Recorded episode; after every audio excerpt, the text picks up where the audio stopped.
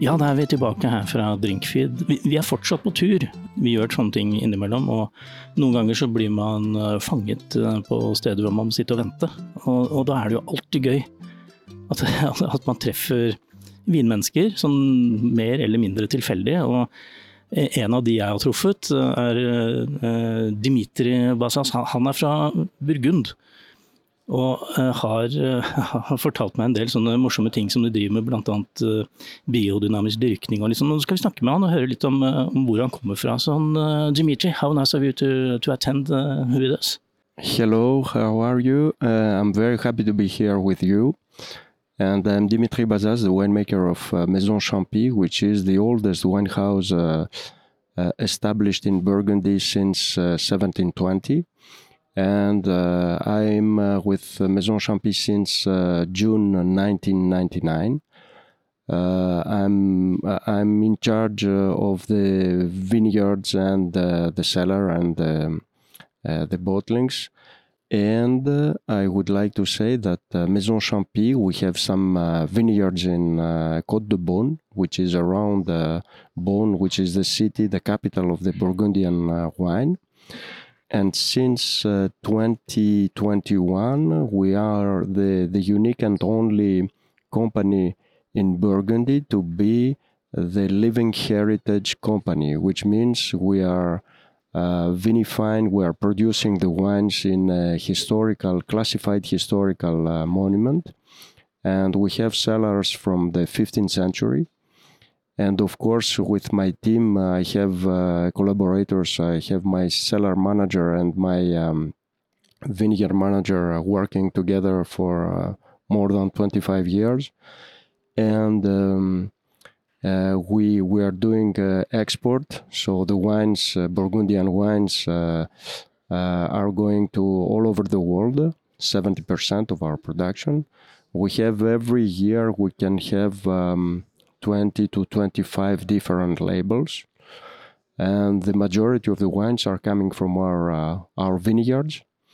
Uh, we have vineyards from Volnay to the hill slopes to Corton Charlemagne, the hill slopes of Corton Charlemagne and uh, Corton. But we, the principal village we have uh, our vineyards are uh, Pernand-Vergelesses, which is a typical, very authentic and uh, beautiful uh, small village. And um, what can I say? We, the farming is uh, we our uh, our estate is organically farmed and we are doing at the same time some uh, biodynamic uh, applications and at the same time we are working the wines uh, in the cellar by respecting the biodynamic calendar Okay, that's interesting. Can you tell me more about the biodynamic principles? Uh, I think a lot of my my listeners have heard about it, but maybe it's very hard to understand what's all about with the biodynamics.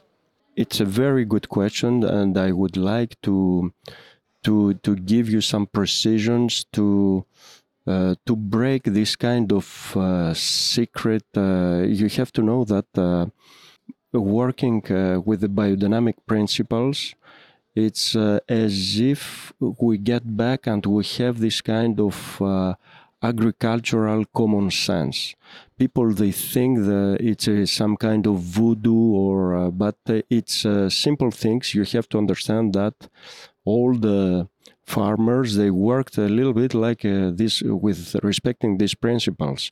Of course, you have to be precise of with what you are doing. So, for example, we are doing uh, and you have to be educated. You cannot do things uh, because you you can have the impact of these applications and you can you can have uh, a very bad result. So we do for example in the spring at the beginning we do an application a spraying uh, with uh, the horn uh, uh, dung which means we have an an evening a little bit humid, you, we are going to, to do a dynamization. And then it's like uh, the principle of uh, homeopathy. So, a very small quantity who is going to give an impact, and we're going to have the impulse of the earth. And then uh, some weeks, two or three weeks after, we are going to to wake up very early in the morning and we are going to put the, the silicate uh, horn, which is uh, smaller smaller uh, drops uh, and it has to be in the morning early after dynamization also. And we are going to have the impulse from the cosmic and sun uh, um, let's say forces so, are you like uh, watching the moon and the moon phases? Of course, of course, we're watching the moon phases, and we're watching, for example, let me give you uh, an example very interesting. Um, for uh, for the the, the white wines, we are doing stirring, which means we we have the lees suspended in the barrel.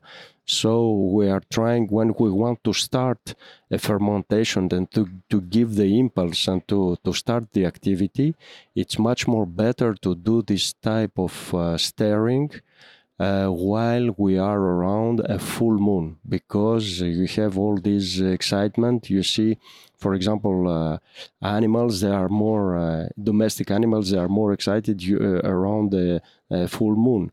Another example, you've got the lees when you have a waning moon they are more settled down. So if you do a racking and you want to have a clear racking before to blend the wines to go through a uh, for a bottling, when you are doing a racking in November where the moon is waning and decreasing, you can have the forces who is providing a very good settling down, so we can have a clear wine with a lo- with a very good limpidity so this wine, you can bottle it without filtration. So you can preserve all these natural aromas without uh, doing big operation before the bottling because the wine has to be clear with no mic- microbiological deviations, but it's more fruit forward because you didn't filter it. So the biodynamics is all the way from from the soil, very soil where yep. the where the plants grow, and and all yes. through the, all through the process down to the cellar. Yes. So uh, uh, re- respect. So we respect all the movements, for example, and uh, at the end, another example. We are trying to do bottlings. Of course, we are not producing when everything goes well with no problems with frost and uh, hail. At Champy, we can produce 400,000 to half a million of bottles, which means we don't do bottlings every every day. For example, our bottling machine, we can do 10,000 bottles in a day. So we have, let's say, 50 days a year of bottling. So we are trying to do the bottlings fruit days. Fruit days means when the moon is in front of constellations of the zodiac which is fire corresponding fire uh, the element is fire and it's co- it corresponds to the fruit. Of course you know that uh, the water corresponds to the leaves the air corresponds to the flowers and the earth corresponds to the roots. All that is quite interesting that you are actually following all the moon phases the zodiac uh, and uh, around uh, how the earth and, and the plants are thriving. See you brought a wine with you. Is, is that a biodynamic wine? Yes, it's a it's a wine produced with the biodynamic principles, and it's a wine converted.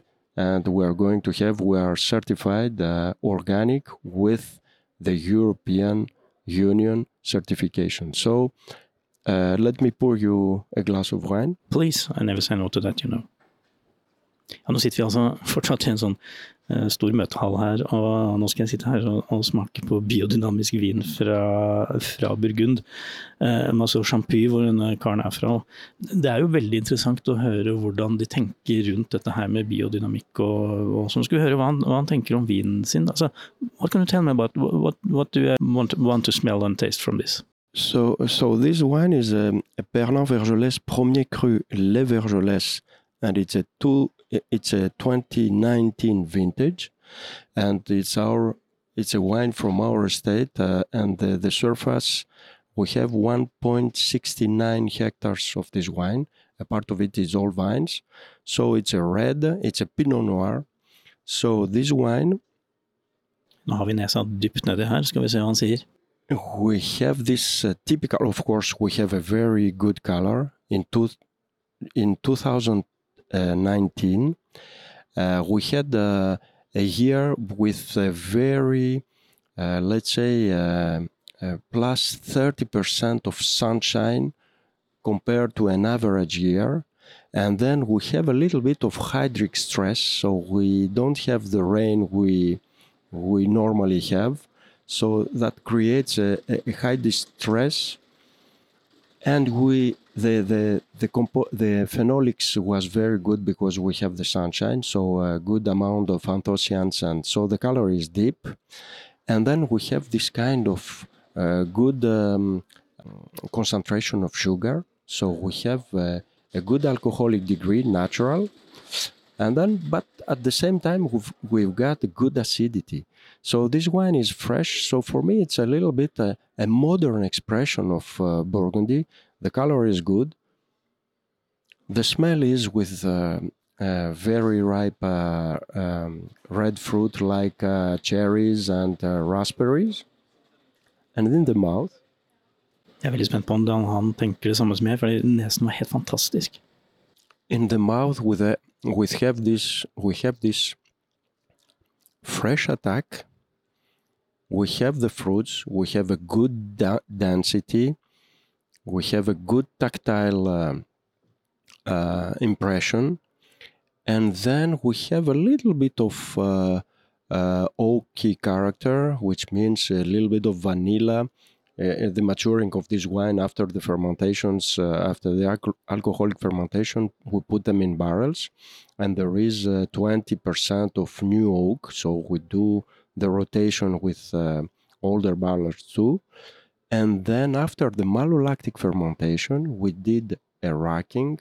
We blend all the, the barrels. It was, for us, it was uh, 30 barrels, which means approximately 10,000 bottles and we bottled this wine 18 months later, which means it was in March 2021, a fruit day. And it's almost, when you tell me this, it's almost as I can taste that day because the fruitiness in this wine is is uh, extraordinary. It's it's so ripe and and, and juicy, and uh, I, I just want to have uh, another sip. That's that's my that's my first instinct. So it's fantastic. Our idea is to to finish the bottle and to have a second bottle. And for me, my my philosophy, of course, Burgundy wines has to be terroir expression wines, which means Volnay has to be different from uh, Pommard and Beaune and Pernand-Vergelesses. But in our world, people they want to have first of all fruit forward wines because we drink them for my taste a little bit quick and it has to be balanced wine for me the most important thing is a wine it can be a powerful wine but it has still to have this kind of drinkability.